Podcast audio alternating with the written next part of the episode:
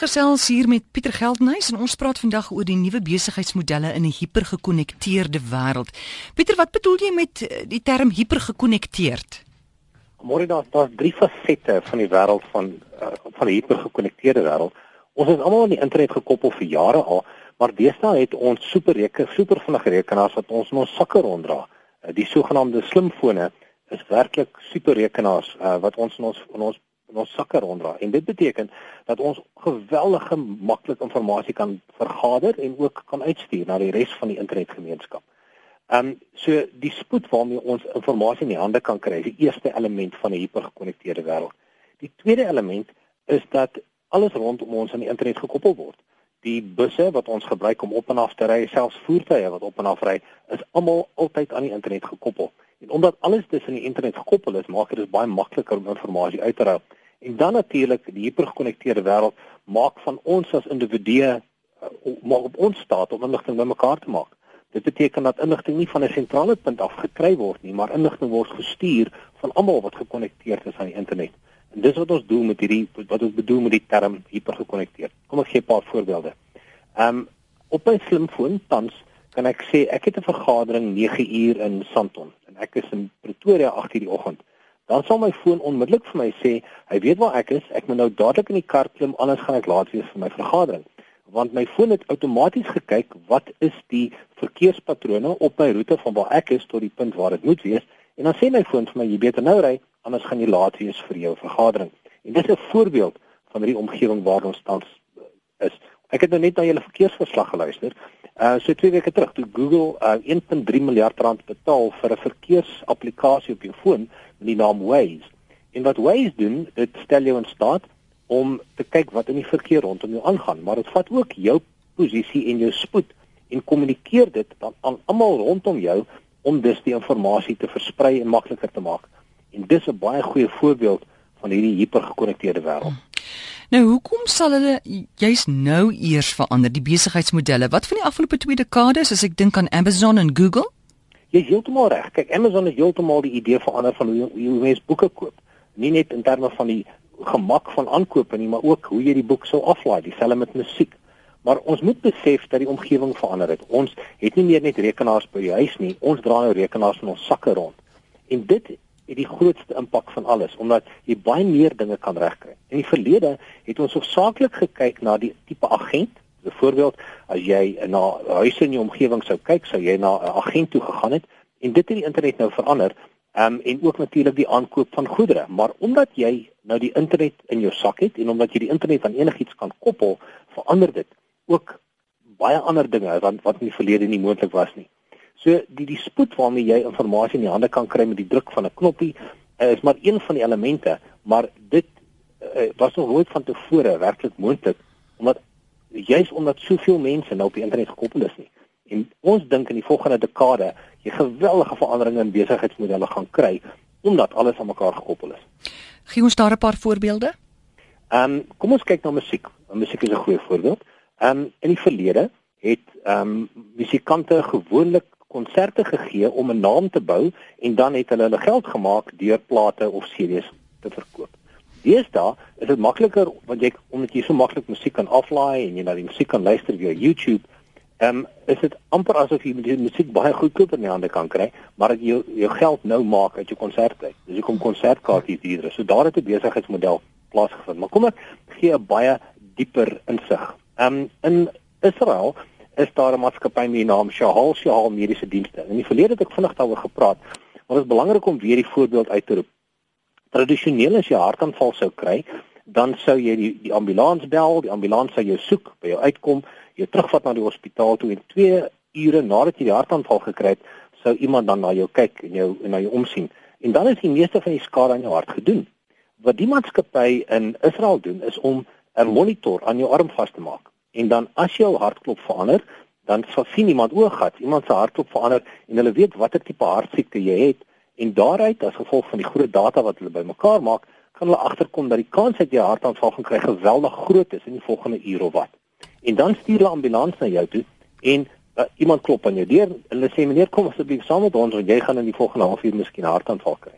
Hmm. En dan kan hulle opstop dat jy die hartaanval kry of as jy dit kry, het jy dit in die beste moontlike plek. Nou as 'n mens dus kyk, jy vergelyk hierdie twee modelle met mekaar, dan is die een model maak mense geld uit jou uit as jy klassiek is en klaar die hartaanval gekry het. Die ander model is dit stop jou om hartaanval te kry. As jy as 'n mens gaan kyk wanneer die tyd wanneer jy die hartaanval kry? Die tyd is nadat jy klaar opgetel het. Die omgewing in die hospitaal in die een model kry jy dit by die huis, in die ander model kry jy dit binne in die hospitaal. Wie is die persone rondom jou as jy die hartaanval kry, die akteurs of die konstellasie waarin jy is? So ons sien dat elektronika in die hipergekonnekteerde wêreld besigheidsmodelle radikaal verander omdat jy altyd aan eh, gekoppel is aan die internet en daarom kan jy nuwe dienste lewer wat nooit van tevore beskikbaar was nie.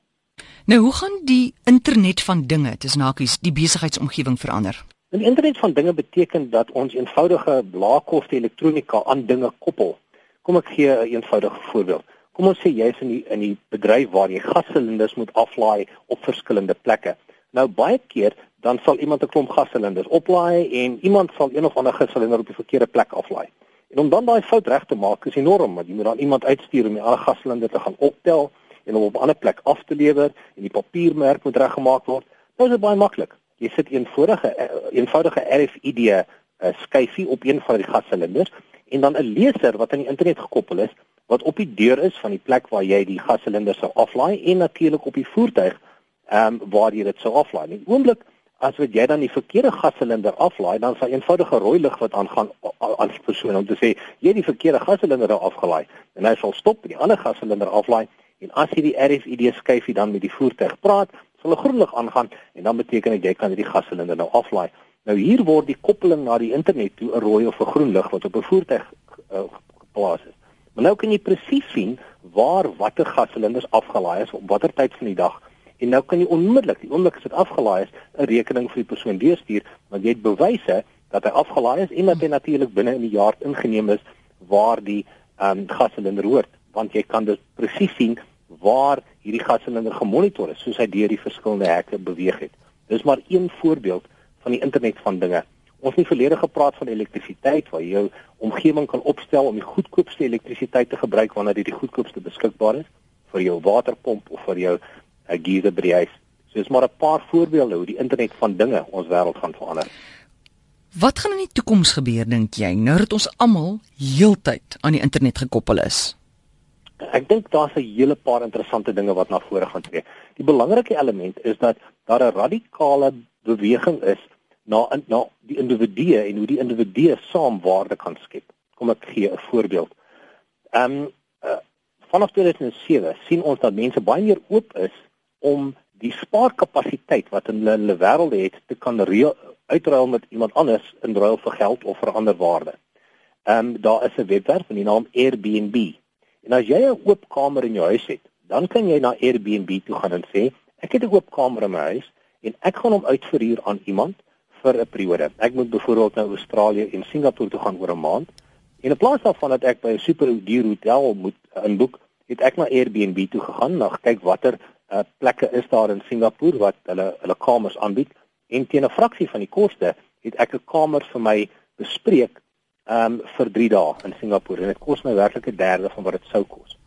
Um en wat baie belangrik is is dat die mense wat die kamer gebruik, die kamer gaan uh beoordeel op die internet en jy as huurder wil ook beoordeel. Dit beteken dat as iemand wil kyk of hy jou kan vertrou, dan dan kyk hulle na wat ander mense sê. So dis 'n baie ja. baie sterk element ons as individue begin nou die omgewing rondom ons optimaliseer deur deur, deur van die internet gebruik te maak. Heng dis um, interessant. As ek 'n ander voorbeeld kan gebruik, as jy dit nou op by hotel Wilg tuis gaan, dan kan jy na hotels.com of Expedia toe gaan en dan is daar 'n hele lys van wat mense sê van wat hulle van die hotel dink. Maar jy weet natuurlik dat op hierdie webwerwe waar jy die besprekings maak, hulle maak hulle geld by die hotelle self. Daarom moet jy baie versigtig wees watter orde hulle die kommentaar gee van wat mense van die hotel sê. So wat jy normaalweg doen is, jy gaan na 'n ander webwerf toe, in die naam Foursquare. En dan kyk jy wat mense werklik sê van die hotel en dan kan jy teruggaan om by hierdie hotel te bespreek of nie. Daarom sien ons dat jou handelsmerk nie meer 'n handelsmerk in die tradisionele sin is nie. Jou handelsmerk se waarde is nou in die gebruikers van die produk wat jy daar buite het. Jou kliënte word nou jou handelsmerk. En dit is die die groot les wat ons in die, in die toekoms gaan leer met die wêreld van hiperkonnektiwiteit. Pieter uh, Karel skryf hier 'n boodskap. Hy sê dis nou baie interessant hierdie goed wat Pieter vertel, maar vra hom asseblief, wanneer kan ons uitsien na 'n teepot en 'n melkbeker wat nie mors as 'n mens inskink nie? Om omdat ek meer in die elektroniese spasie is, gaan ek daai maar liewer vir een van die ander ehm um, sprekers op RSG los. Goed, dankie. Maar ek dink daar seker dinge wat ons eenvoudig maar net nie gaan regkry in die volgende dekade. Ek dink ook nie so nie. Ons het al mense na die maan toe gestuur, maar ek weet nie of dit ooit gaan regkom nie. Dankie Pieter, lekker aand. Altyd mooi.